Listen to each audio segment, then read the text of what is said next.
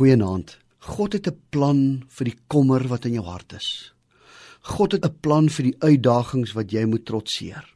In Matteus 6 vers 27 staan daar: Wie van julle kan deur hom te bekommer sy lewe met een enkele uur verleng? Vandag se bekommernisplan is: bekommernis het geen nut nie. Bekommernis is nie 'n toniek wat jy kan drink wat jou meer energie gee nie. Bekommernis is nie 'n energiedrankie wat jou gaan help en vir jou R10 in die bank gaan gee nie. Bekommernis is nie 'n baksteen waarmee jy jou lewe verder kan bou of 'n sleutel nie.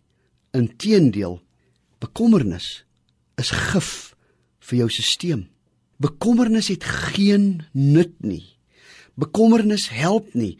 Bekommernis verkort jou lewe. Ek gaan praat onlangs by 'n tehuis vir bejaardes hier in die stad van Pretoria.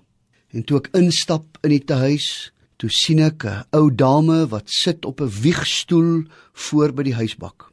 Ek is op met die huisbak, 40, 50 minute gaan praat en toe ek uitstap, toe sien ek steeds dat die dame daar sit. En ek besef, dis presies wat bekommernis is. Dis iets om te doen, maar dit bring jou nie verder nie.